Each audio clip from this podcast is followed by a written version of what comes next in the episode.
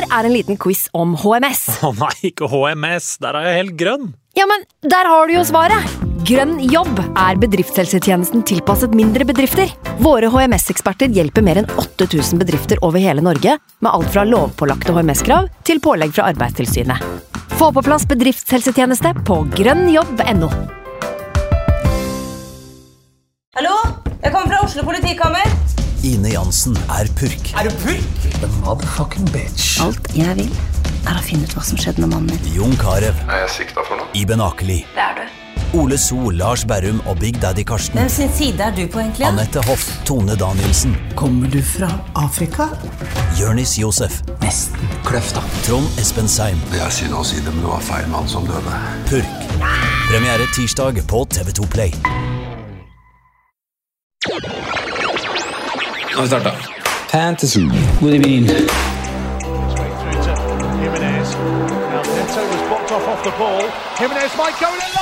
God evening.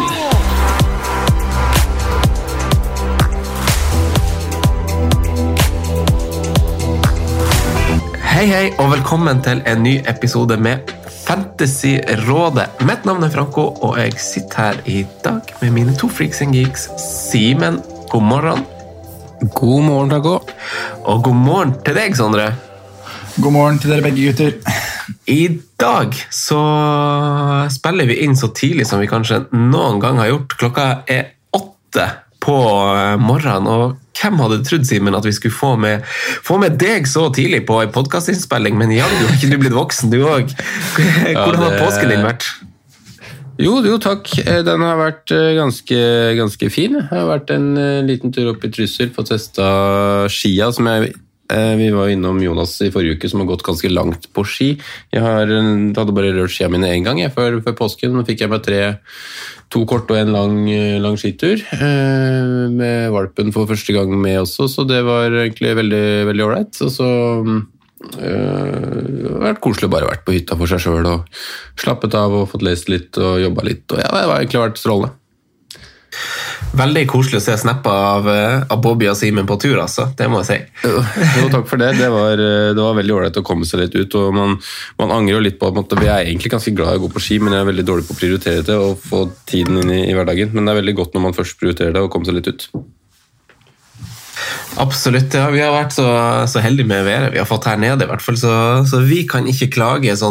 Du også har jo vært god å nyte sola og være ute og komme seg ut fra de fire veggene hjemme. Ja, ja, ja. Jeg har kosa meg i, i høyden, ja, altså. Vært på hyttetur. eh, Brukt tida på det samme som, som Simen beskriver. Eh, vaka på, på 1000 til 1300 meters høyde og fått slikka litt sol, da, vet du, så det var veldig, veldig godt. Ja, Veldig bra. veldig bra. Komme litt ut av byen sjøl. Jeg kjente at eh, hodet, hodet trengte å komme seg ut fra, fra leiligheta. Jeg tror man har så godt av det. Så, så det var deilig å gjøre litt annerledes og være masse ute og sånn. Men uh, runden som gikk eh, ja, Vi har Skal du introdusere, introdusere dagens gjest, Skal jeg introdusere dagens gjest? Jeg har han på utsida av døra står og, og banker på, more or less. Eh, barnehagen har, har åpningstidene sine endra, så nå åpner de klokka ni og stenger klokka tre. Som gjør at vi eh, må gjøre en omstokk i heimen, rett og slett. Så du, er, du er hjemme alene med den, du har bare lukket døra og latt han, han står bare på utsida og, og venter til du er ferdig med pod. eh, Toåringen, ja. ja, ja. Jeg har gitt han noen noe, noe lightere og strikkepinner, så han koser Ja, det. Det blir bra, vet du. Ja. Ehm, hvordan, eh, hvordan har eh, Altså, FBL kom litt sånn det kom litt sånn bardus på meg, for jeg har klart å koble litt ut. Men hvordan har, eh, Vi har likevel en runde vi har lagt bak oss, Simen. Hvordan har det gått for deg? Eh, runden har gått sånn helt, eh, helt greit, egentlig. Det bitre er jo på en måte alltid at man man i, I det siste så har jeg begynt å gjøre sprell. Jeg fikk også en god vibe på um, Rafinha, som Jonas også nevnte i forrige runde på, på pod. Endte der med kapteinsbindet til slutt, veldig fram og tilbake. Nå hadde jeg faktisk fire alternativer, så jeg vil ikke si at det var 50-50-valg heller. Jeg vil si at det var uh, Det sto faktisk mellom fire spillere på, når jeg kontakta dere på, på morgenen på deadline day der, holdt jeg på å si, på, på lørdag. Um, endte med Rafinha kaptein, Kane visecap, men han vurderte faktisk også Salah og Bruno Fernandes. Um, så litt synd da at visekapteinen nok en gang tar mer poeng, men sånn er det. Uh, ellers så syns jeg runden var egentlig relativt bra ut fra hva jeg ser, ser rundt meg. Ender på 62 poeng. Um, men det er jo fem, det er vel fem mann ja, som har, seks mann som har return, så helt greit, føler jeg, i en runde som var ganske lavt skårende. Uh, ble ikke så mange clean sheets heller som av de man, man håpa på. Det var vel bare Liverpool City som dro med seg clean sheets, så um, akkurat nå er det ikke så fryktelig mange som sitter med, med flere enn to da, fra, fra de to lagene der. så jeg vil si at det var ok pluss, ja, men jeg skulle gjerne hatt med meg litt mer kapteinspoeng og ikke tapt, uh, tapt poeng der, men ellers helt greit. En liten rød pil ble det jo faktisk, da, men uh, ja. Nei, en liten grønn pil. Beklager. Liten grønn pil, ja. Det var det jeg òg hadde sett, sett, egentlig. Eh, Sondre, da, mm. det, hva gjorde du inn mot runden, og hvordan har det, hvordan har det gått? Jeg sparte, sparte byttet mitt. Jeg var mye fram og tilbake med hva jeg skulle gjøre med både, både Son og Bale på laget, men øh, fikk jo gode nyheter på Son der, da, så jeg valgte å la han stå. Og så tenkte jeg at øh, kampen for å bytte ut Bale var egentlig ikke noe mot, mot Newcastle, men øh, ja, kunne gjort annerledes der. har brukt begge byttene mine, det kan vi komme tilbake på. har egentlig ikke vært inne og sjekka jeg bytta på lørdagskveld, faktisk. Så etter det så har jeg ikke vært inne og sjekka. Så vi kan ta det er liksom live, eh, live inn på points her nå. Så da står jeg med, med 55 poeng. Eh, jeg trodde det hadde gått litt dårligere. Jeg føler det har vært mye stang ut denne runden her. Jeg hadde mm, Starta greit på lørdag med poeng på Rafinha. Evig underbetalt spiller. Eh, det er der lista ligger. Han produserer og produserer og produserer, men han klarer jo ikke å få med seg noe mer enn en sekser og sjuere her og der. Han Hadde også Diaz.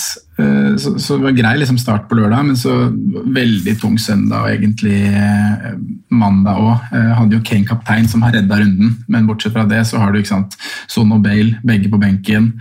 Uh, også Bamford, ikke noe, ikke noe, på lørdag der. Uh, og i går så var egentlig liksom skuffelsen uh, optimal med, med clean sheeten til Lucas Dign som ryker mot slutten, og Antonio av med skade etter, etter snaue 30 minutter. så i tillegg så har jeg eh, Tierney på første benk, da, som også har blitt eh, flagga gult her nå. Så, så liten opprydning å gjøre. og Det er så typisk det når jeg eh, for en gangs skyld gjør tidlig bytter. Da skal det komme litt skader. Så ja.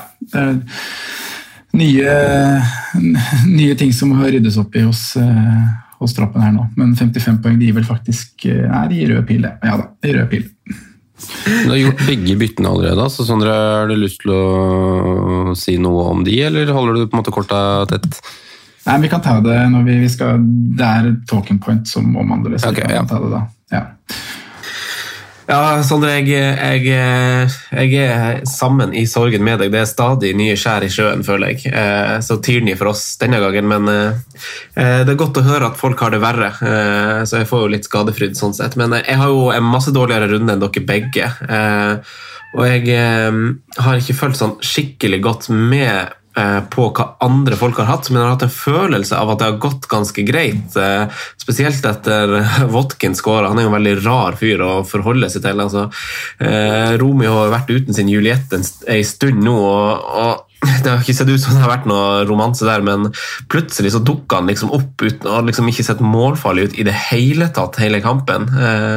Men Dobbel United bak, som har vært min, min X-faktor, som har fungert litt, uh, svikta denne gangen.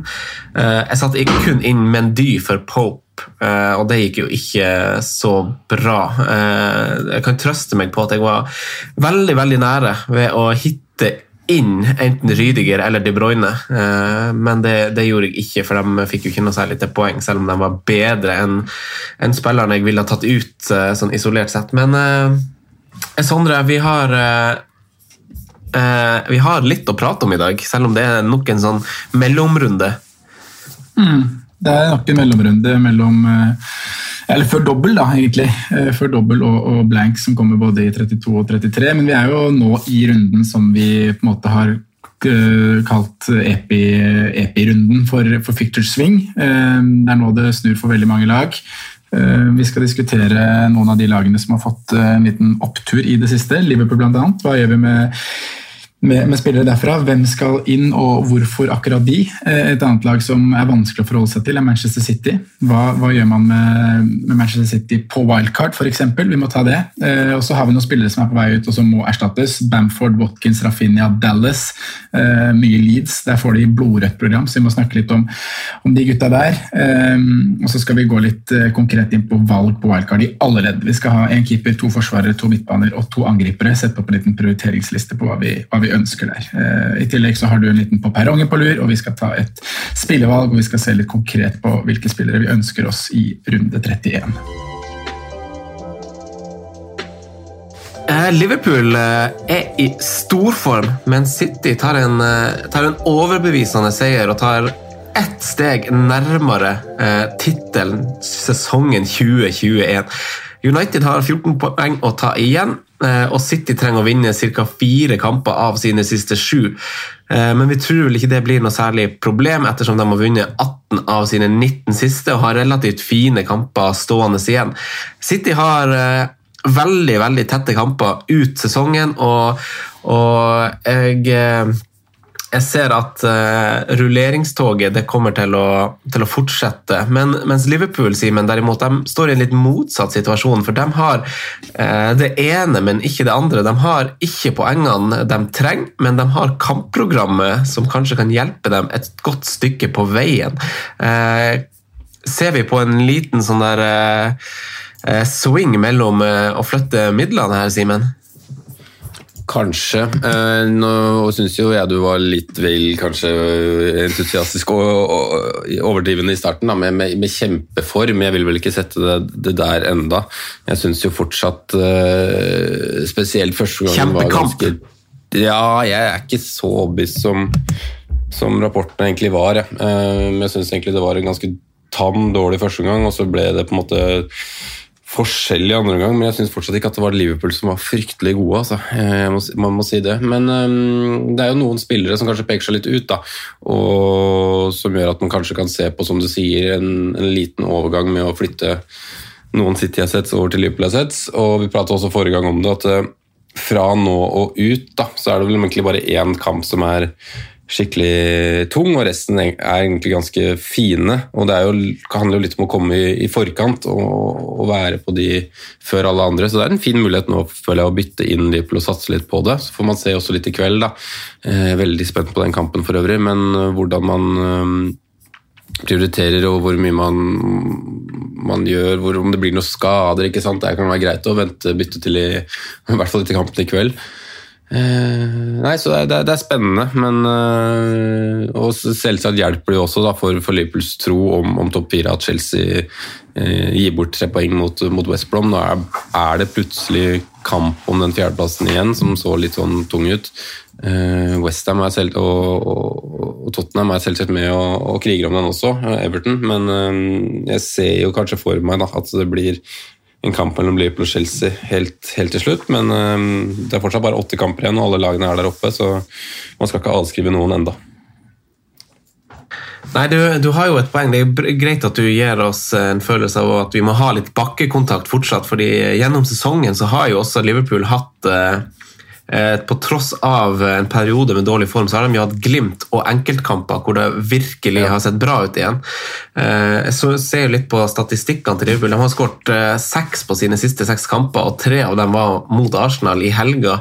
Eh, Men eh, ser man liksom bort ifra det, så kunne de jo absolutt ha skåret- mer. De har, eh, I samme periode så har de skapt flest eh, store sjanser av samtlige lag, og de har skutt tredje mest i boks, hvorav eh, Sala og Mané har elleve hver, og Firmino har ti, eh, mens Yota har eh, seks avslutninger i boks på to starta kamper og to halvtimer, mens eh, Mané, Sala og Firmino har spilt ganske ganske mye mer. Kanskje ikke Firmino riktig så mye, men men det er litt større spredning i de statsa der enn vi er vant fra å se på når Liverpool er topp, på topp, og kanskje Sala også er, er mainman, Sondre.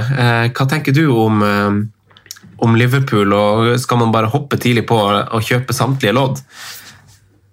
Eh, nei, det syns jeg ikke man skal. Jeg eh, syns egentlig Simen eh, har et veldig godt poeng som det er viktig å huske på. Eh, at I det helga møtte de et lag som til de grader ikke sto på perrongen når toget gikk. Det var, eh, det var, heller Arsenal som var veldig veldig svake enn det var Liverpool som var veldig veldig gode. Eh, og Spesielt førsteomgangen. Nå så ikke jeg kampen, men det jeg har sett av highlights og det jeg har lest av rapporter, så så, um, så var det, det var en svak kamp mellom to lag på, på nedre halvdel, så det egentlig ut som innledningsvis der. Så um, jeg mener ikke at Liverpool er friskmeldt enda, uh, og jeg syns kanskje vi er litt på feil, feil fot hvis vi tenker at vi skal bytte ut City-lodd for å få på Liverpool-lodd før den runden som kommer nå. Uh, nå sitter Manchester City med en kjempefiction mot Leeds. Liverpool har en hjemmekamp, men den er mot Aston Villa, som som eh, har vært et bra lag gjennom hele sesongen. Så mm, jeg syns absolutt det er fine lodd i Liverpool. Det sa jeg også før forrige runde, og har, hadde håta på wildcard draft da. Uh, Phillips bak også veldig fin, men sånn,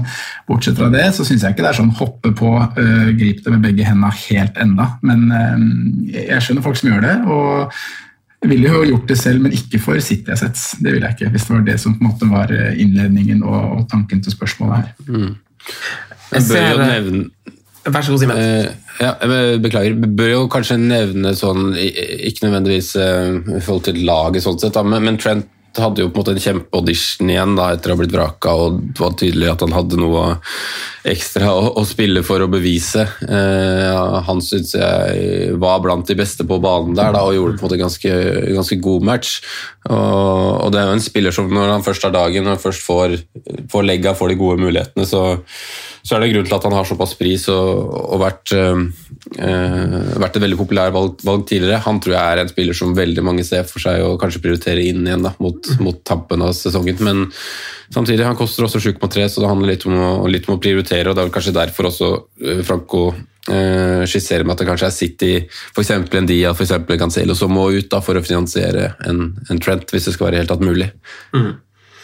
Jeg, jeg titta litt på det for, for, folk Jeg ser jo Bale, Gündogan og Rafin altså Jota er jo den eneste spilleren som er, som er bytta inn med et sekssifra antall hittil denne runden. Eh, mest av midtbanespillere, naturligvis. og Da ser man at de som ofres, er jo Gündogan, Bale og Rafinha. Så, så folk er jo eh, Folk er jo ikke dumme, holdt jeg på å si. Og så, og så ser man at den mest bytta forsvarsspilleren inn er jo nettopp eh, Trent, faktisk, som er som, og Der er det også City som ofte spesielt Stones og Cancelo byttes jo ut over en lav sko. og Det har jeg gjort sjøl for en stund siden. Og på topp så ser vi også en, eh, at, at, eh, trenden er på vei å snu seg litt. av Bamford og Watkins og, og Dominic Calvert-Lewin selges også av, eh, av, folk, mens Kelechi skal inn, Mendy og Forster skal inn i målet. Så, så folk følger med og spiller litt etter etter kampprogrammet. Men når det gjelder City, så, så ble jeg jo litt bekymra Pep sin pressekonferanse. Jeg var scrolla innom hjemmesida deres i går. Eh, han skrev eh,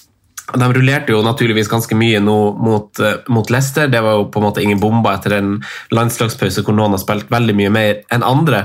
Uh, men uh, svarene på det er jo at fresh legs more than ever against Leeds. og, og hintet om at han skal bytte ut store deler av laget. Så, så jeg våger meg ikke ut på den isen der, føler jeg.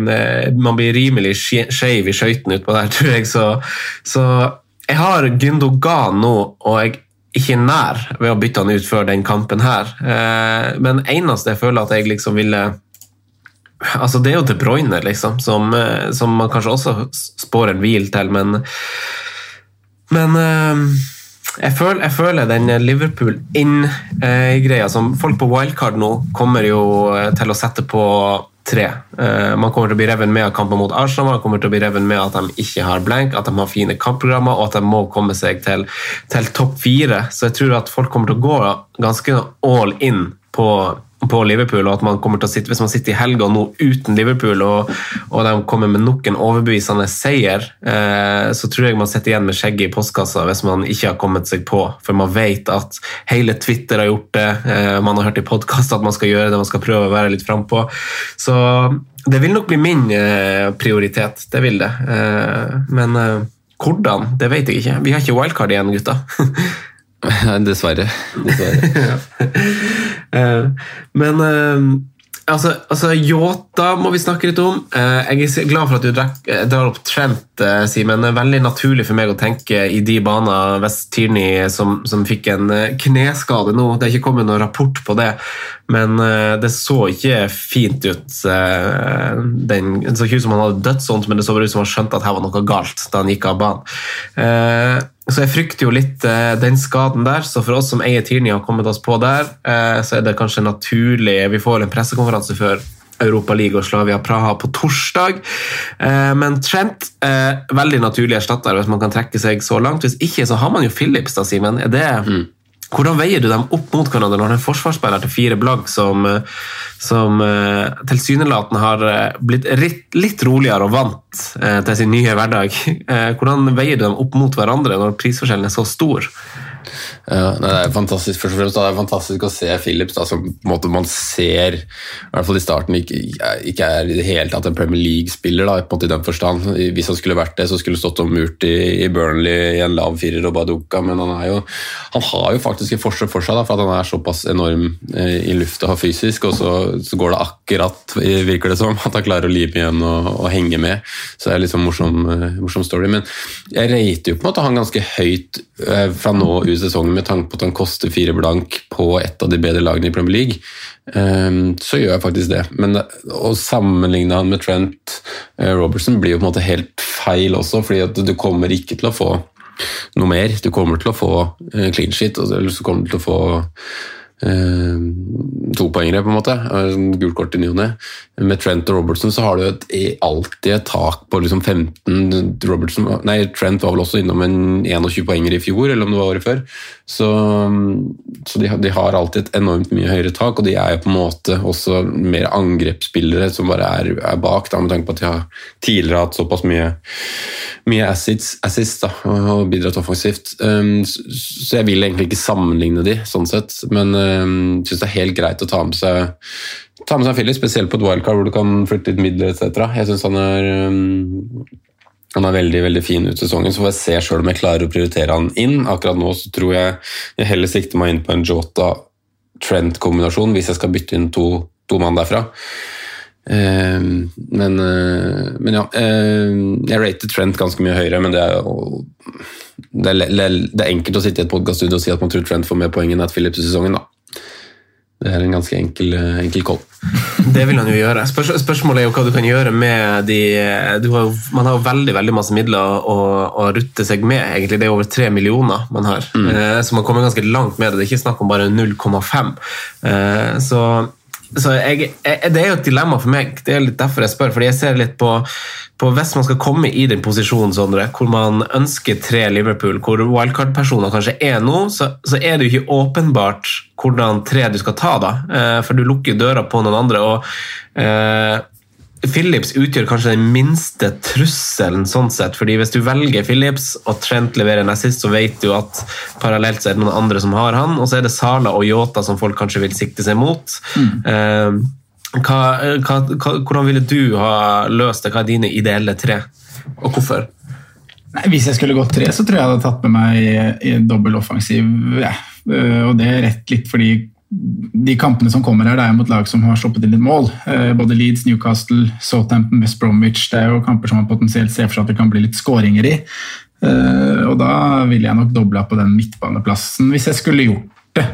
Eh, Nå er jo ikke jeg der at jeg tenker at tre fra Liverpool er er noe must, og ville nok stått fint på wildcard med, med Jeg tror kanskje jeg ville gått for ja, Philips Trent syns jeg er en vanskelig vurdering. Da måtte jeg sett litt nøyere på det, for man vet hva, hvor stor oppside er ved å ha en Trent i, i form. Da. Men som du sier, så er det 3,3 millioner mer enn det er på Phillips. Eh, Du kan få brukt de midlene, og spesielt i den den tiden vi er i nå, da hvor det kommer litt eh, dobbeltkamper Du vet du har lyst til å kanskje ha med både Kane og Son, eh, Kevin De Bruyne, Fernandes Det er mange dyre spillere som du har lyst til å ha inn. Spørsmålet er om man rett og slett får råd til å ha en Trent der. Så jeg, jeg tror nok kanskje jeg hadde landa på Phillips og Hota på wildcard. Og hvis jeg skulle hatt en tredjemann, så hadde det blitt Sala. Eh, men da måtte det gå på, på bekostning av kanskje Fernandes. da.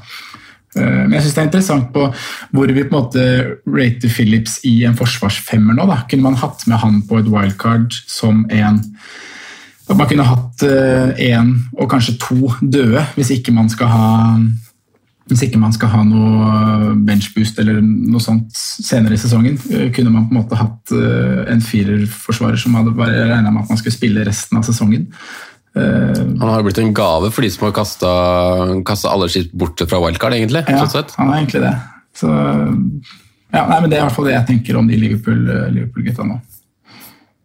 Philip Sala. Nei, Philip Potta og Sala som tredje.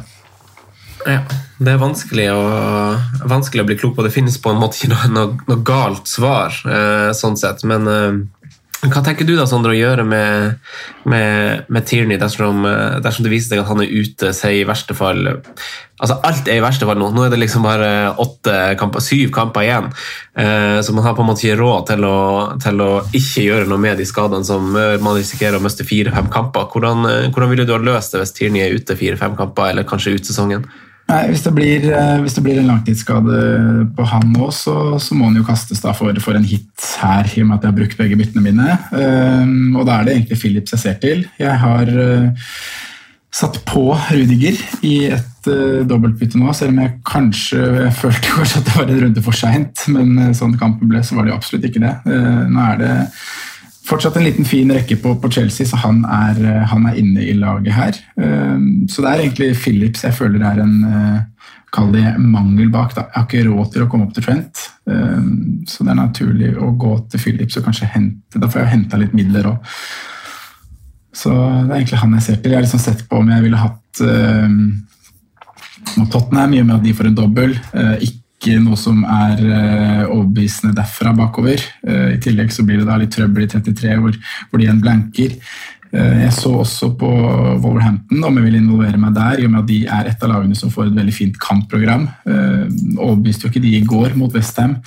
Tre i sekken der og ja, det, det, det, oppsummerer kanskje litt den sesongen de har hatt. da. Vært litt på gang til tider, og så, og kommet noen, noen stygge, stygge, tap. Så um, Hvis man skal lese det som kommer, da, så er Fulham, Sheffield United, Burnley og West Bromwich en veldig fin rekke for Wolverhampton. Hvis jeg skulle gått uh, noe der, så ville det vært Size. Jeg sammenligna de litt Jeg så vi hadde fått et spørsmål om det òg, Cody versus Size på, på wildcard, og jeg, jeg litt underliggende tall på de to, da, for, å, for, å, ha noe konkret å gå til der. Og, og Size er mye mer uh, Han er farligere frempå i boksen. Uh, har flere skudd i boks totalt, uh, totalt i år. og Da er det mye headinger på, på dødball. Da. Så, så Size til 4-9-4-8 er et alternativ som vurderes sammen med Philips. Da. Jeg måtte også sjekke, jeg måtte grave litt i, i, for å tenke Jeg er jo i en litt rar posisjon denne runden, og andre er kanskje også det, med at man fortsatt sitter med Aston Villa og Leeds, så man ikke kan kvitte seg med alt på en gang. Så, så jeg må kanskje benke f.eks. Bamford eller, eller Watkins denne runden, da, og må kanskje ha ut andre spillere pga. skader. Og jeg, ser, jeg, måtte se litt på Hvis jeg skal ha inn en forsvarsspiller, så prøvde jeg å se litt sånn som jeg pleier å gjøre av og til på, på, på hvem som på en måte har kombinasjon av et godt forsvar, men kanskje også møter først og fremst et svakt angrep. da. Jeg ser jo f.eks. Arsenal, Sondre, som, som, som, vi har Tierney fra. Vi har snakka litt om Leno. De har jo ingen clean sheet sine siste seks, og jeg tror den rekka strekker seg enda enda lenger bak. det, og de har jo, Det verste av alt er at de har jo egentlig tall som, som backer det. Tredje flest store sjanser mot seg, fjerde mest skudd mot seg i boks på de siste seks. Um, og, og, det er ja, nei, det er sånn Det er litt tungt, egentlig, å skal sitte med Arsenal bak. Og, men, men, det bra med Arsenal, da, hvis man ser det på, fra den andre sida, så møter jo Arsenal fra et defensivt perspektiv. De neste fire kampene så har de tre av de svakeste angrepene i Premier League. Både med det å skåre mål, men også med underliggende tall. Så det er nærliggende å tro at noe skulle komme på, basert bare, bare på det.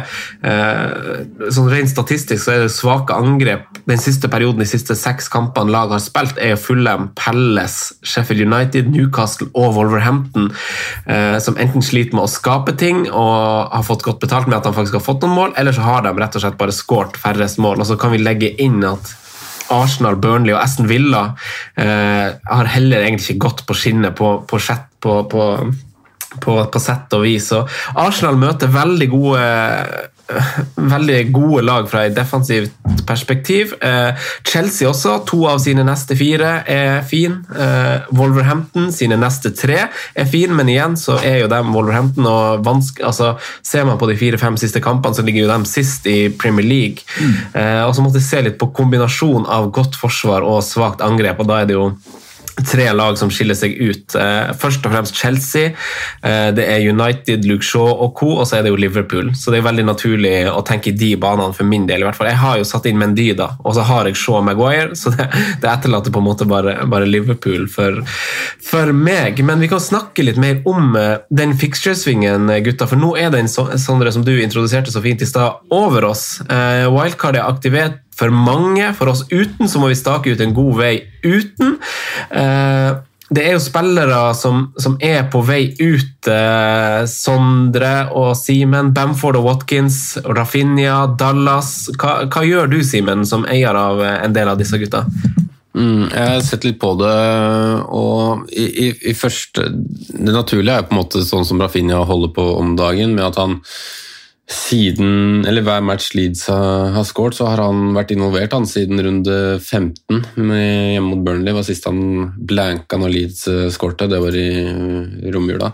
Så, så, han er veldig giftig, og jeg tror jo, selv om Leeds har Manchester City, Liverpool og United på strak av veien at de kommer til å skåre mål i, i, de kampene også. Eh, litt også fordi at de har en spillestil som ofte også gjør at de ikke nødvendigvis er så veldig gode mot de, de bedre lagene, men at de i hvert fall er farlige offensivt.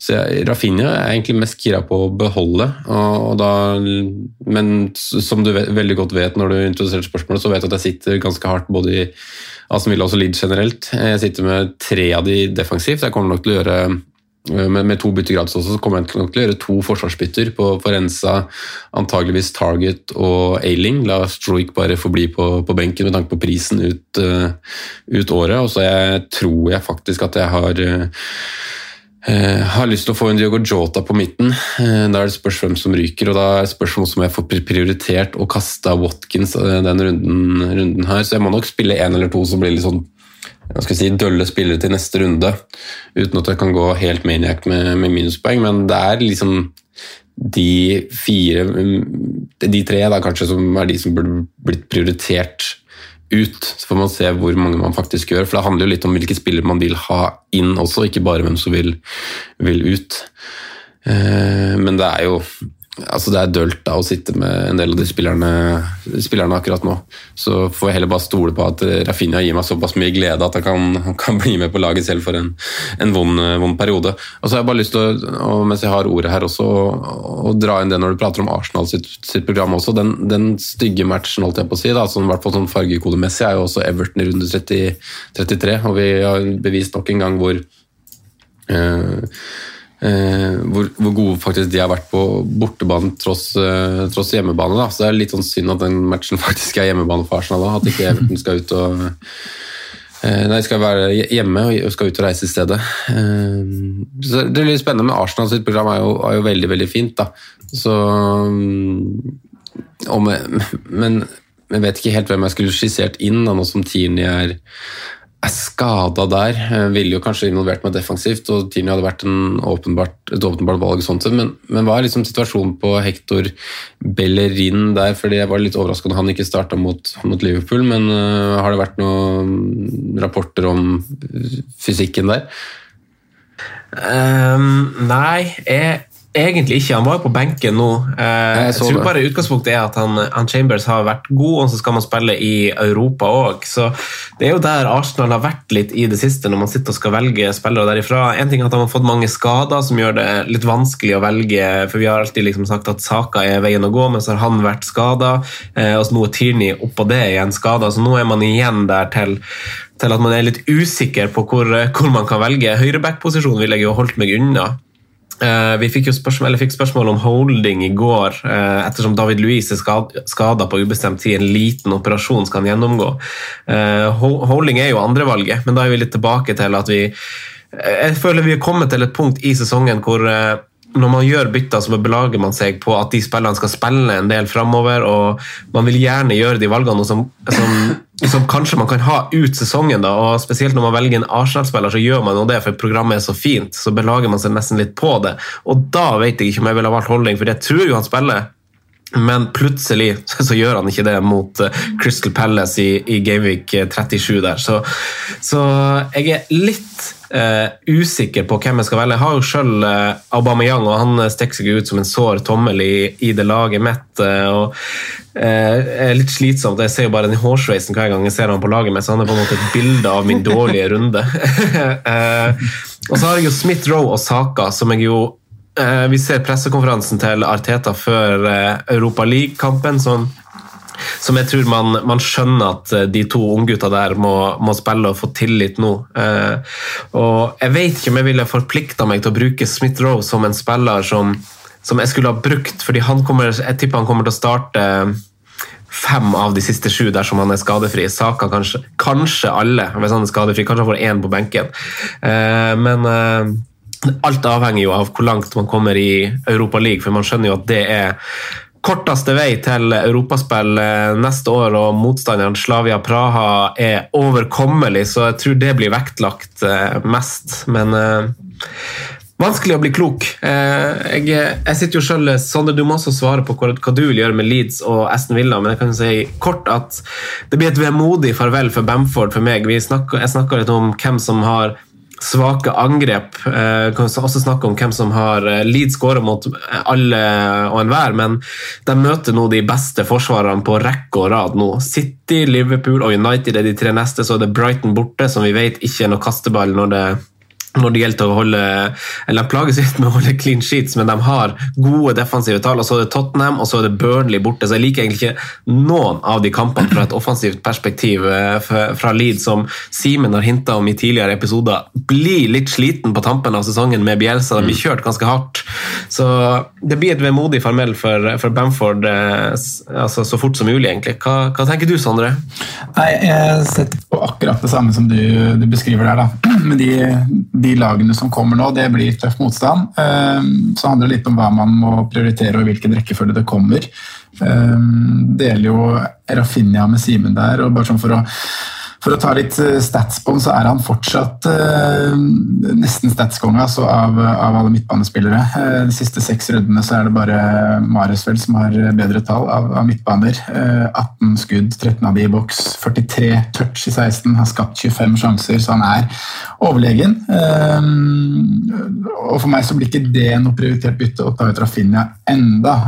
vi vet at Leeds har skåra mål så å si i nesten alle kamper kamper, også levert mot uh, topplag. da, Skåra vel to mål på Trafford. Uh, de har skåra mot Arsenal, de har skåra mot uh, Chelsea, de skåra vel mot Liverpool i på Anfield i serieåpningen, så vi vet at de kan putte selv mot de beste lagene. Um, men å sitte med to ble for mye, så Bamford skal ryddes ut på et eller annet tidspunkt. Uh, også en liten nedadgående kurve når det kommer til underliggende tall hos han. Um, og brenner jo noen store sjanser i helga. Han, han har liksom ikke muligheten han får. Da. Han har noen uh, sjanser der hvor en, hvor en, god spiss med mye selvtillit og i toppslag hadde fyrt av, men så blir det litt sånn halvveis. Så um, det er verre med alternativer, syns jeg. jeg. må jo også liksom finne ut uh, hvilken rekkefølge jeg skal gjøre ting her nå. Tini, Bamford, Antonio. Det er, det er, noe som skal ryddes opp i, men uh, alle de tre ser egentlig ut til å til å måtte byttes ut da, i løpet av kort tid. Uh, Antonio syns jeg er vanskelig, for han hadde en veldig frisk start på kampen i går. Har et stolpeskudd bl.a. Før, før han ble bytta ut. Og Westham er jo kanskje formlag nummer én. De får, får også en veldig, veldig fin innspurt på sesongen. Eh, men tanken min var egentlig et lite ha det til Antonio nå for eh, Jeg så egentlig på Kurechi inn i det fine programmet som Leicester får. Eh, og så kanskje, kanskje få Antonio inn igjen mot slutten. Men ja, egentlig, jeg syns det er vanskelig å finne alternativer på topp. Vi har, vi har egentlig bare Kelechi og Jamie Vardy som jeg tenker at ok, det her har jeg lyst på. Bortsett fra det så er det egentlig på midtbanen de fleste de fleste attraktive spillerne ligger på meg. Så på wildcard nå, veldig enkelt 3-5-2. Uh, når jeg skal prioritere bytte selv, så har jeg jo, jeg har jo satt meg i en Smith-Roe-posisjon som gjør at jeg Det gjorde jeg for to runder siden.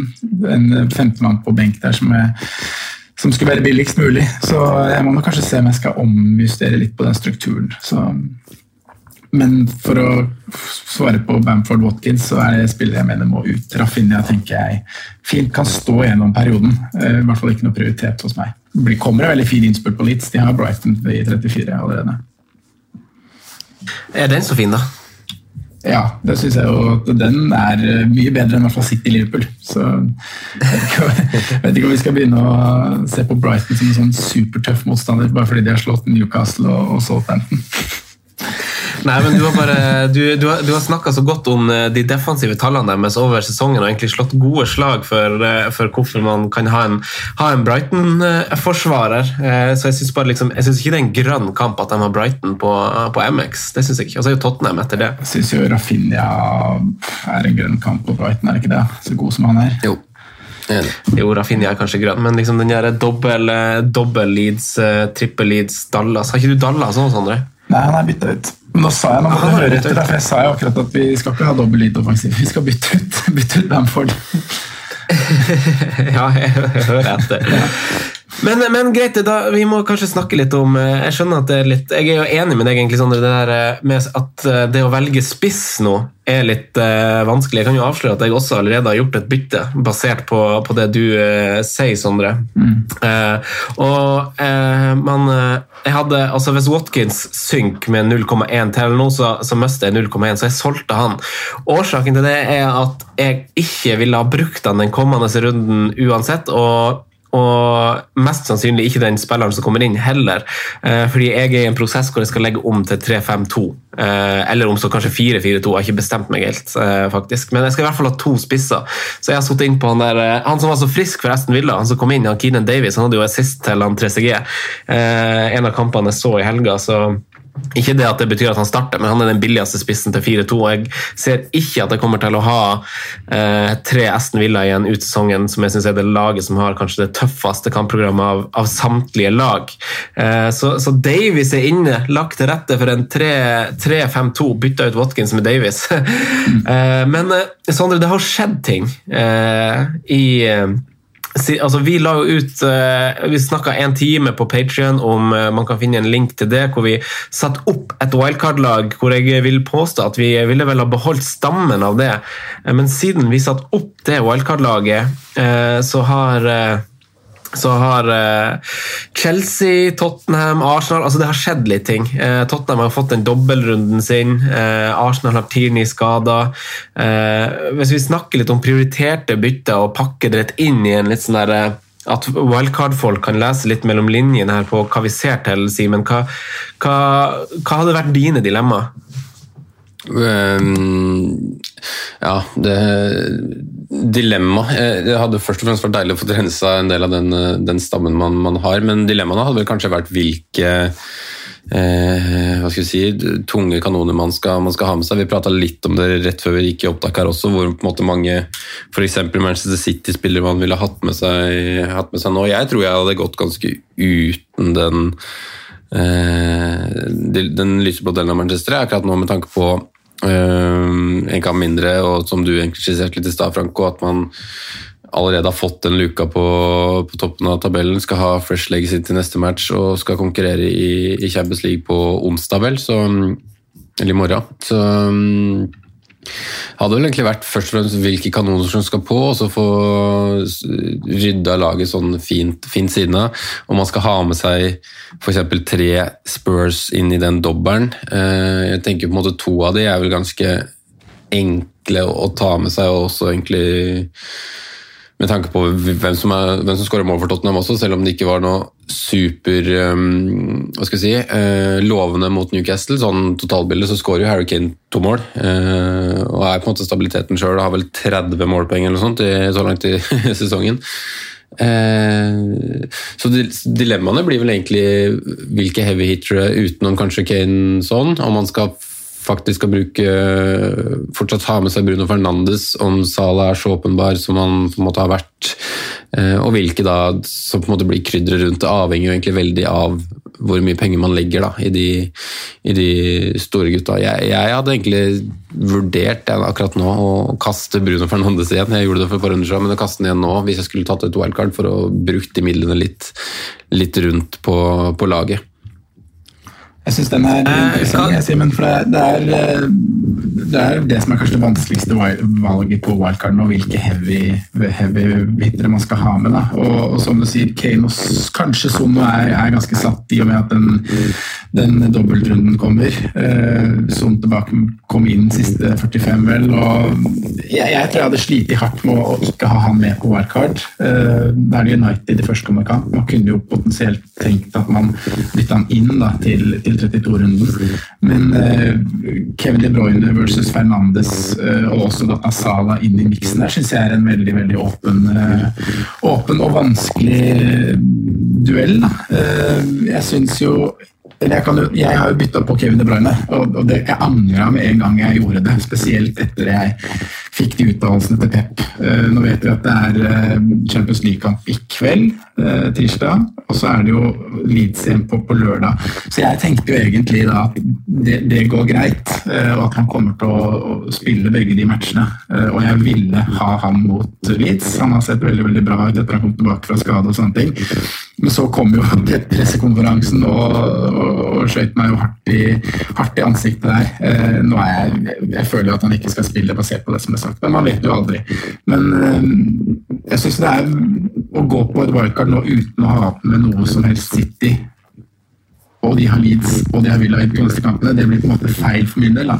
Så jeg, jeg tenker jo litt sånn som det er at Bruno Fernandes kanskje skulle vært den som man ofra, da. Eh, Tottenham. Eh, og så kunne man da potensielt prøvd å få han inn igjen i den blank-runden hvor, hvor de har Leeds, hvor, hvor man kvitter seg med kanskje City eller sånn. Så det hadde på en måte vært en slags uh, Lagd en bytteplan på det når man er på wildcard nå i nå i 31. Jeg tenker også at en litt sånn, Hvis du skulle si at du er litt sånn angripende posisjon nå, da, og så skal på en måte bruke et wildcard nå for å hente poeng for å prøve å makse slutten av sesongen, så ville jeg jo kanskje prøve å tenke litt annerledes også enn de lagene som man, som man har. Kanskje man faktisk skal ta en råsjans da, på, på det programmet som ser veldig fint ut for f.eks. Liverpool, og, og faktisk kjøre på begge bekkene. Fordi man vet i historikken at de har eh, en god mulighet eh, for clean sheets når laget er i form, eh, når laget får en god periode.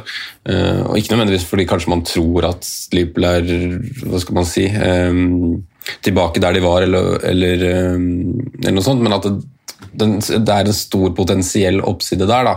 Og Det er der du på en måte har mulighet til å hente kjappe poeng mot, mot motstandere som ikke er i nærheten av, å få- inn det på to, og tre og fire bytter de neste rundene. Eh, For det er vanskelig å stable eh, det er nesten 15 millioner, da, 14,5 på, på de to defensivt. Så det er jo en mulighet å gå for å kunne gå noe annerledes og spre midlene defensivt når andre sitter med veldig mange heavy hitters også, også på midten. Men da, da mister du én av, de- av de store, da, hvis du gjør et sånt type valg. Men eh, det er en retning å gå, tror jeg, for, for de som henter poeng.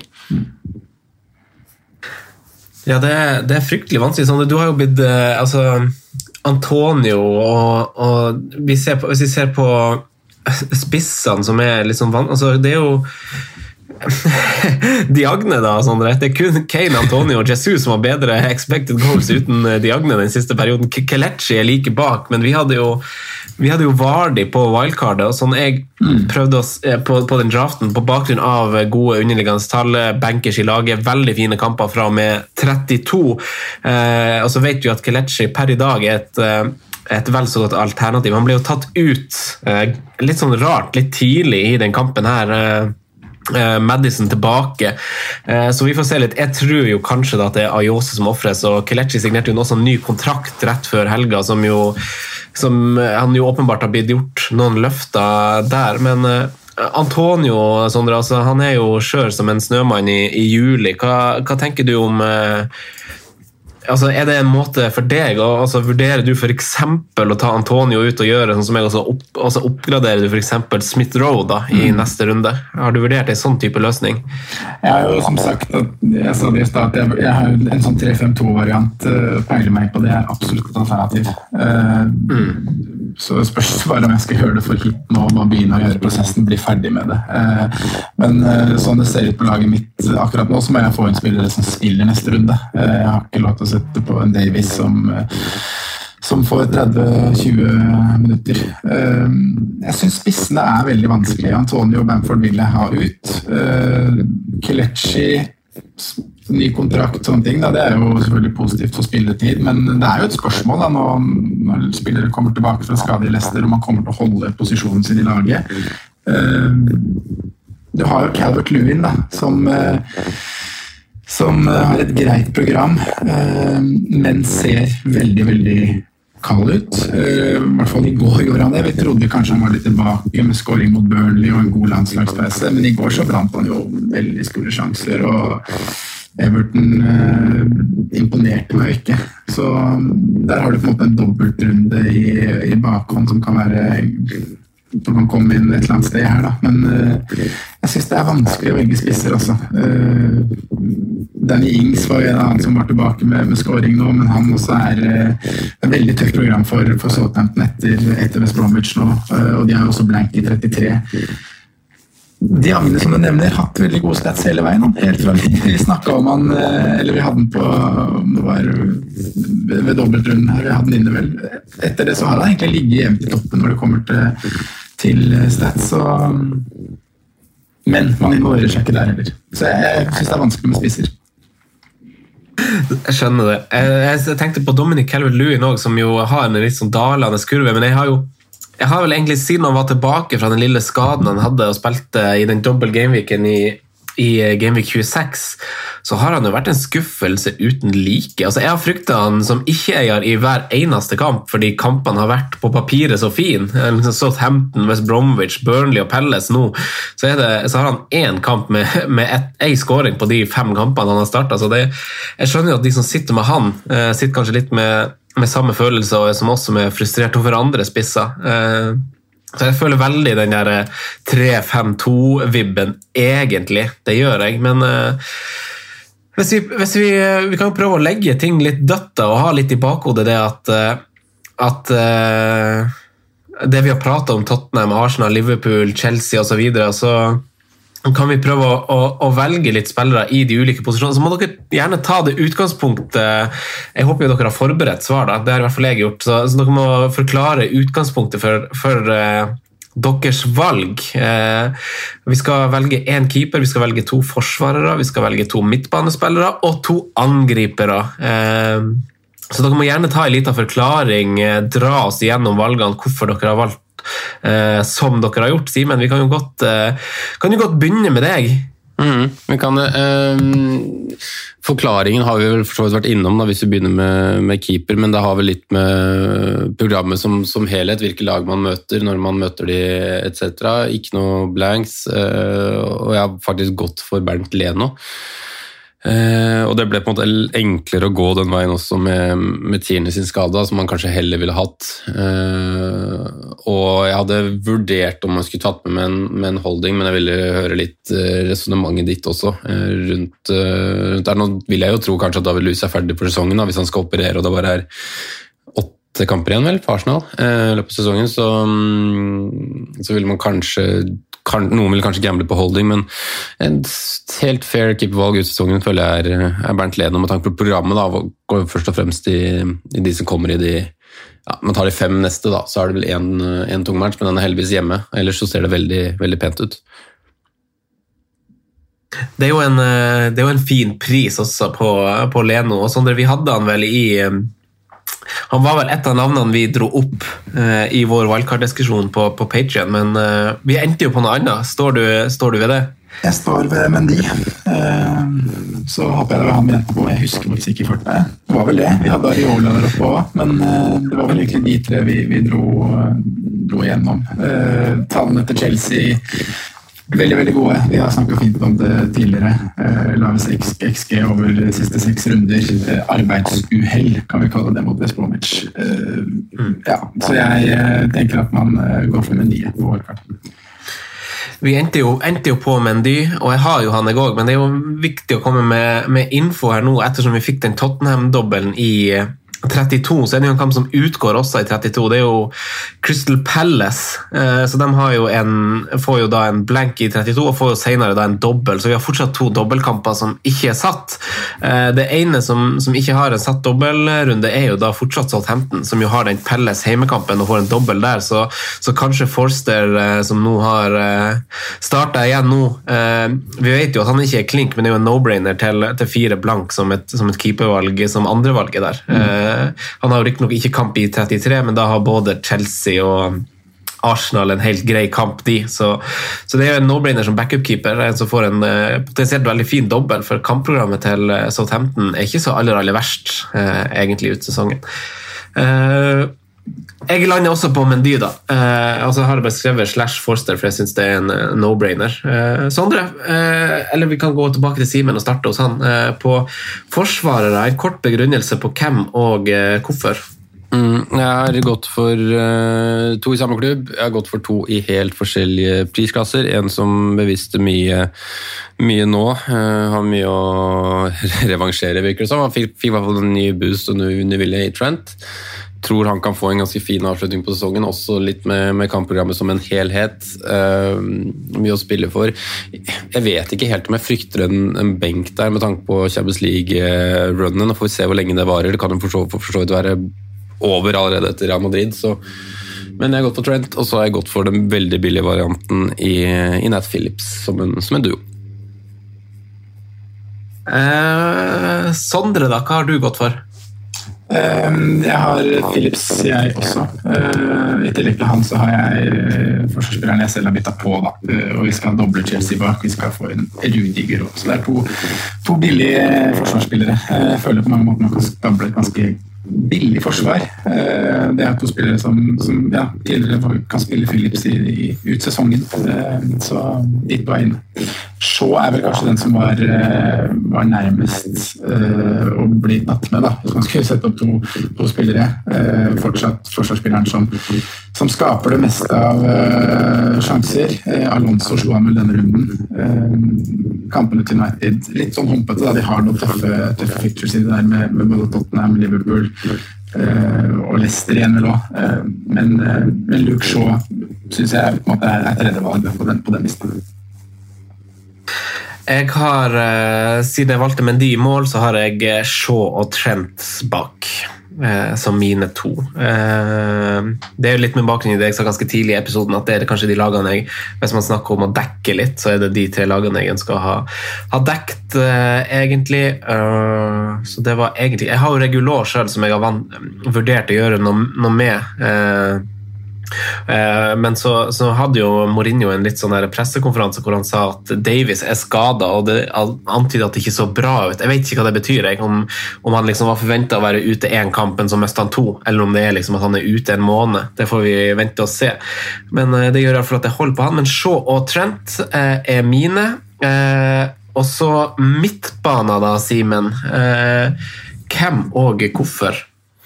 Ja, eh, jeg har jo på en måte lyst til å nesten gå fire Liverpool-spillere, men det får jeg jo for så vidt ikke gjort i en, i en sånn, sånn, type. Eh, jeg går for eh, Mohammed Salah. Jeg går for en jeg prata litt opp forrige runde, som også, selv om kanskje laget ikke var sånn veldig overbevisende, så var han frisk nok en gang, og det er Pedro Detto. Programmet veldig fint utover. Han er en snik, har han vist seg. Han er blant de spillerne i sin prisklasse som plukker mest, mest, uh, mest poeng. Uh, under seks blank så er vel bare Ward Prowse og, og Harrison Socek som har plukka med på sesongen til nå. Inogano, for så vidt. da.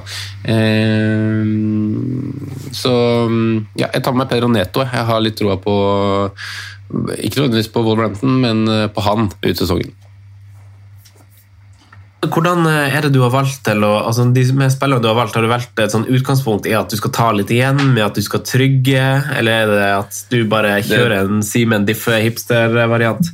Jeg prøver å på en måte plukke de som, som, på en måte kommer De første jeg tenker på. Eh, så var jeg veldig usikker på om jeg liksom sånn, For mitt lag så tror jeg jo faktisk ikke jeg hadde plukka med Diogo, Diogo Jota, men sånn jeg på en måte stiller det opp, så blir det jo mer for å hente igjen. Da. For jeg vil jo tro kanskje mange, mange prioriterer Jota for foran å gå dobbelt bak.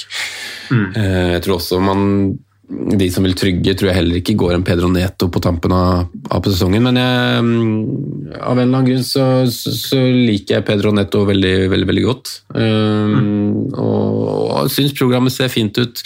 Han, uh, han plukker med seg målpoeng på et lag som ikke skårer altfor for mye, sånn, hvis man ser det over en sesong. da. Wolverhampton ligger på en 40 skåringer Nei, 30 skåringer eh, til nå. eh, Et, et mål i snitt. Og, og Peronetto har er det 10-12 skal vi si, 13 målpoeng til nå. Det, så han er en veldig stor prosentandel, da, nesten 50 i, involverende i, i Wolverhampton. Og så tror jeg på en liten opptur da, sånn på, på slutten, av, slutten, av, sesongen. Det for, eller fortjener, det er vel kanskje riktig å si, men de, de trenger det på, på, slutten av sesongen. Det er en veldig skuffende sesong for et lag som skulle vært i Champions League hvis man følger den lange planen deres til nå.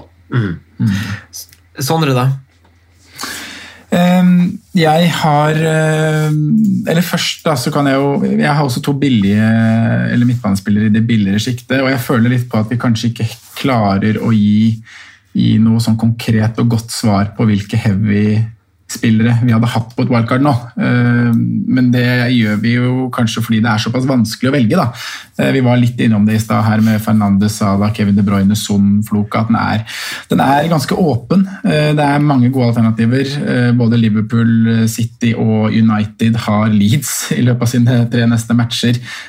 Kanskje vi rett og slett er inne i et landskap da man skal prioritere litt bytte på å å bytte hopper fra spiller til spiller her basert på, på dobbelt, basert på blank, basert på kapteinsalternativ. Uh, de to jeg har satt opp, er uh, Håta, uh, som Simen syns at det er god verdi. Ville hatt han ned på wildcard. den andre spilleren er en jeg, jeg ble litt sånn flau over alle oss tre, at vi ikke nevner den. at vi ikke har turt å hoppe på han. vi vet at det er god grunn til at vi ikke gjør det, for det er mye historikk ved, ved Jesse Lingard, men man kan jo ikke fortsette å overse han, den formen han er i, den formen Westham er i. Programmet Western har er helt greit nå de neste fire, og så er det veldig bra de siste fire. Så Jesse Lingard må jo med på et wildcard i mine øyne. Selv om vi har liksom om at Eller mange har snakka om at han overpresterer veldig, da. Tallene hans er ikke så gode, men de er fortsatt helt greie, og han er i veldig, veldig god form og har veldig, veldig god selvtillit. Så han er en av de to et godt begrunna og velfortjent Nå har vi snakka en times tid uten at han er blitt nevnt, så det er jo strengt tatt på tide. Det er bra, Sondre. Helt klart også en grunn til at man kan velge en 3-5-2. Alle de her midtbanespillerne i det prissjiktet som som er ganske fint, som gir ganske god avkastning potensielt. Jeg har valgt å ta litt utgangspunkt i egen situasjon når jeg har valgt mine midtbanespillere, og det er jo at Jeg husker ikke om det var her eller på Patrion vi snakka om det, men, men for oss som har freehit igjen, så er jo Altså, sett at, nå, nå, vet vi jo at uh, den FA-cupen skal jo spilles med litt, uh, med litt publikum. da. Uh, så hvis det går bra Den spilles jo i Gameweek 33. spilles jo den finalen, ikke FA-cupen, sorry, det er ligacupen.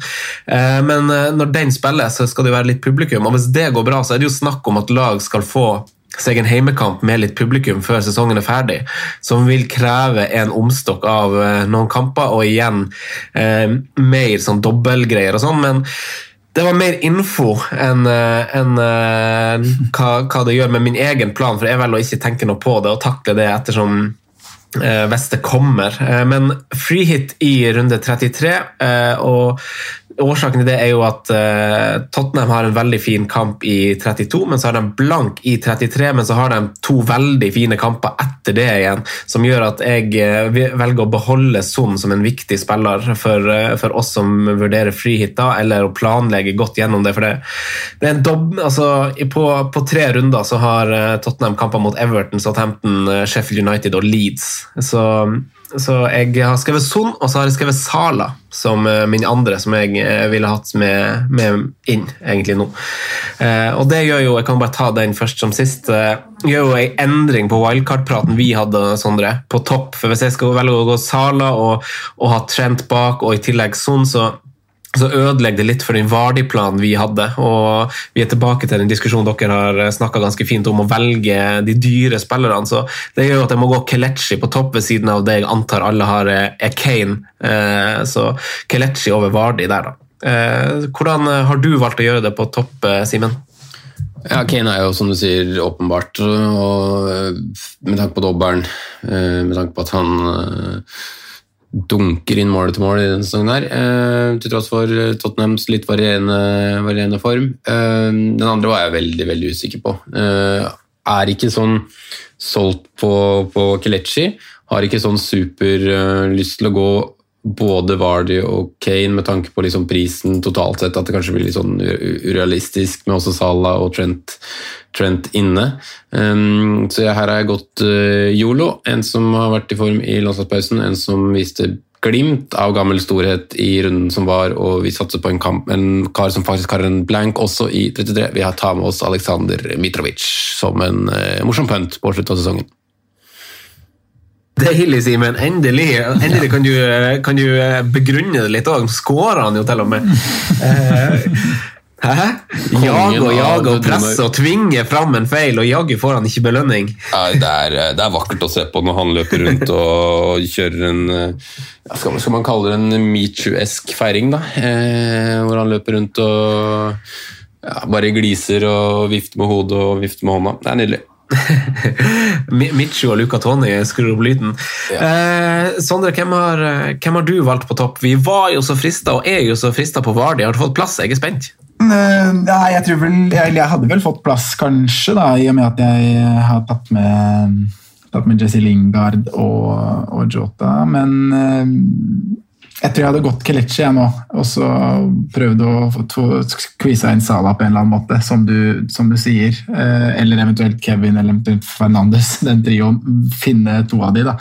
Eh, Men når Son skal inn, som du sier, vi hadde ikke han på vårt wildcard-lag for, eh, forrige uke. Han ville jeg hatt med nå, og da, da blir det ikke plass til, til Jamie Vardy. Så da, ja, da blir det Kelechi. Ikke helt solgt, men det er liksom det beste alternativet jeg finner. Jeg syns det er for vanskelig og Man føler seg kanskje litt for sein, men det er litt sånn skal man liksom ignorere det? Eh, Det blir det samme som det blir liksom Jesse Lingard all over again, og Leicester har liksom fine kamper, så jeg kan ikke bare sitte på gjerdet på liksom alle og liksom bare, bare sitte sånn. Det blir liksom feil, det òg.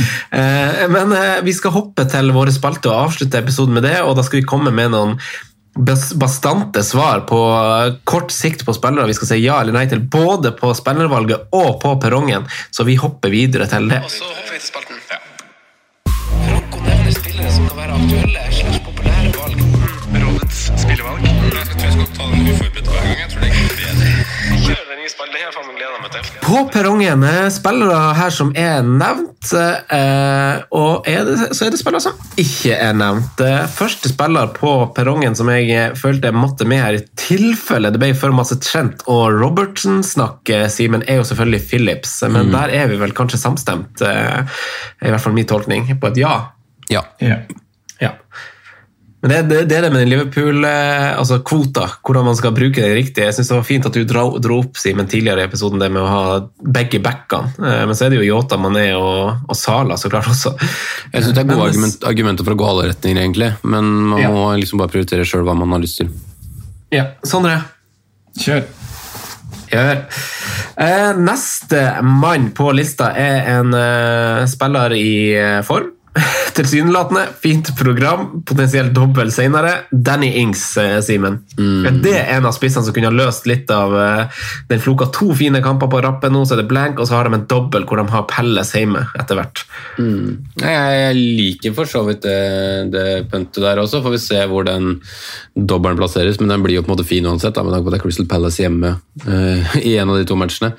Så mm, jeg sier egentlig ja til Danny Ings, men jeg tror ikke jeg hadde tatt den inn før etter blanken sjøl, men eh, jeg sier for så vidt ja til det.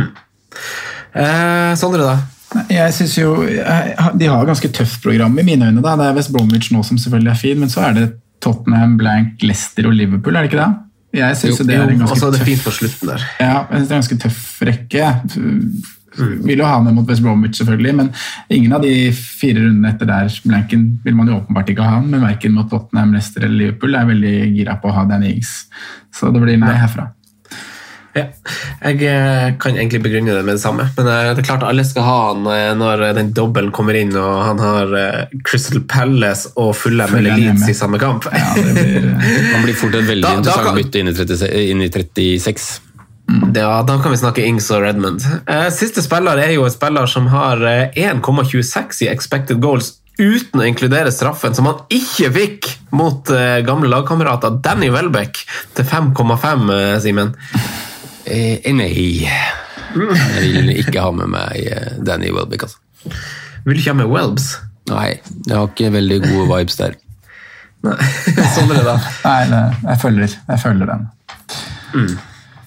Sondre, vet du hva? da gir jeg ordet til deg til eh, spillervalget. Eh, på, du har en- spennende greier her på gang. Ja, Vi ble, ble sammen enige om uh, hvordan vi skulle gjøre det i dag. Det var uh, en litt sånn uh, venterunde igjen, da. Vi, vi venter på doubles og venter på blanks.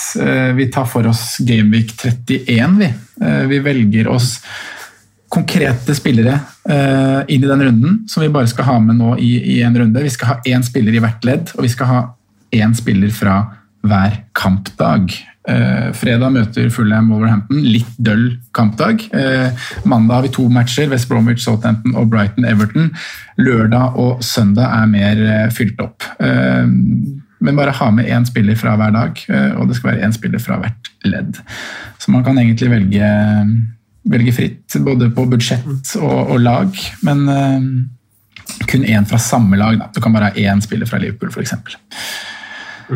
Det gir jo seg selv. Men eh, hvis vi starter, vi kan, kan ta dag for dag. Da. Hvem er det du vil ha med fra, fra fredagens oppgjør, eh, Simen? Eh, jeg vil ha med meg Pedro Netto. Vi Franco. bruker midtbaneposisjon der, ja. Du måtte, måtte bare gjøre det når du har den med på, på wildcardet ditt og alt. Det, Må tror ingenting, men jeg, jeg jeg, føler jeg fikk en god, jeg føler jeg fikk en god eh, kvartett. Ja. Ja. Jeg har, eh, jeg har Areola. ja, det har jeg også. Skal vi sope inn en clean sheet på, på fredag? ja, fin duell. jeg skal forsvare, jeg skal forsvare jeg, Simen. Du skal forsvare, ja, det er riktig. Vil du gå på, på lørdag, Franco, og si hvem du har med? Eh, på, oh ja, på lørdag Nå har jeg satt opp posisjon for posisjon, og Ja. forsvareren min spiller ikke på lørdag. Eh, spissen min spiller på lørdag. Ja, Eh, og nå snakker jeg om å forsvare, men eh, det her er jo på ingen måte å forsvare. For jeg går eh, Gabriel Jesus. oh, Expected goals-mannen som eh, Pås- starter på benken, sikkert. Påsken er over, Franco.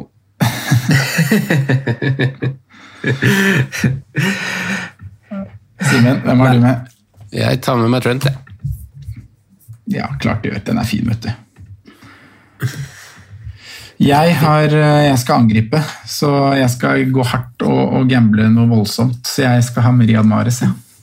Oi, oi, oi. Åh, oi, ja, han har spilt masse i Premier League i det siste, han. Mm, håper på en, eh, en hvil nå da mot, eh, mot Dortmund, og så inn igjen.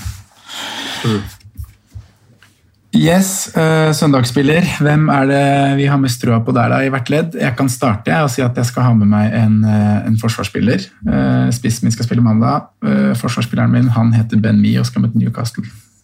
Oi. oi, du er på? Newcastle med over tre i XG mot, mot Tottenham der. Møter ikke Spurs hver helg. Nei, det er sant. Det er sant. Jeg, eh, jeg eh, går for Jeg sto mellom jeg, midtbanespiller. Jeg sto mellom J. Links, men jeg velger å gå med hjertet og tar eh, Saka Oh, mot Sheffield United. den er fin.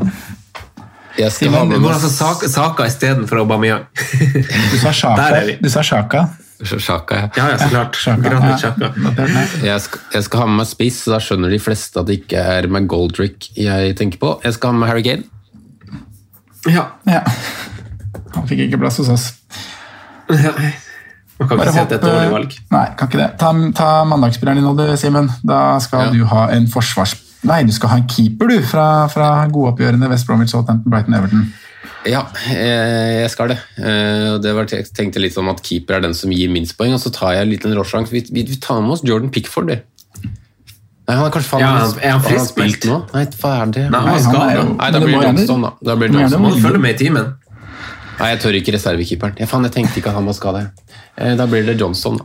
Da blir det Johnston og Danny Ings som vi vil ha. Ja, men den er fin. Det blir masse redninger, i hvert fall.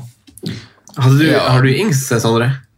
Nei, jeg bare tenkte at siden vi snakka litt om Danny Ings akkurat, at han var så Ja. Heit. heit denne kampen. Men jeg kan jo ta, kan jo ta hvem jeg har. Jeg har, eh, jeg har spissen min igjen.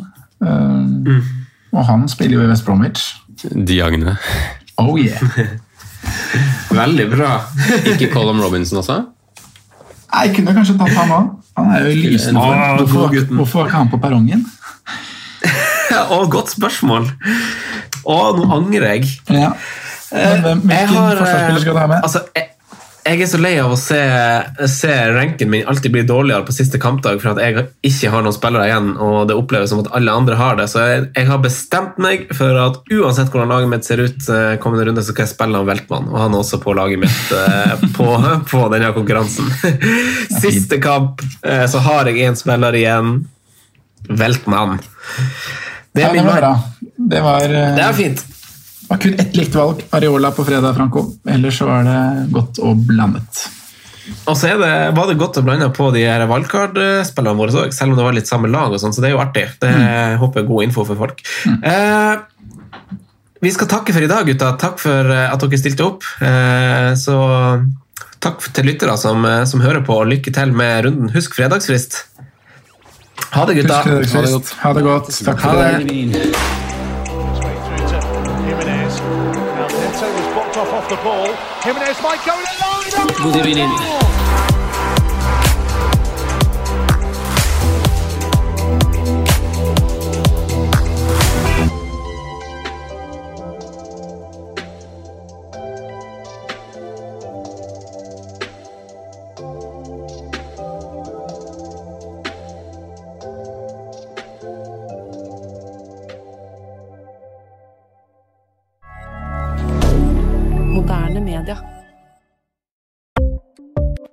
Ukens annonsør er Folio, en smartere banktjeneste for deg som har en egen bedrift eller ønsker å starte for deg selv.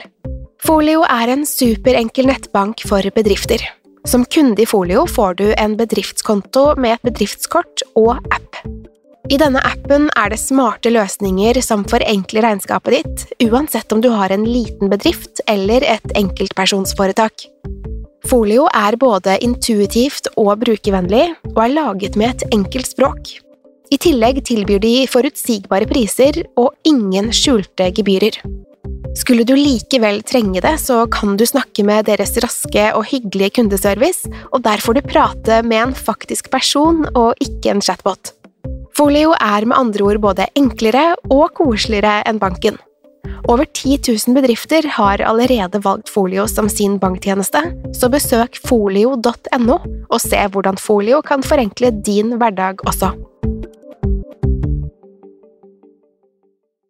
Har du et enkeltpersonforetak eller en liten bedrift? Da er du sikkert lei av å høre meg snakke om hvor enkelt det er med kvitteringer og bilag i fiken, så vi eh, gir oss her, vi. Fordi vi liker enkelt. Fiken superenkelt regnskap.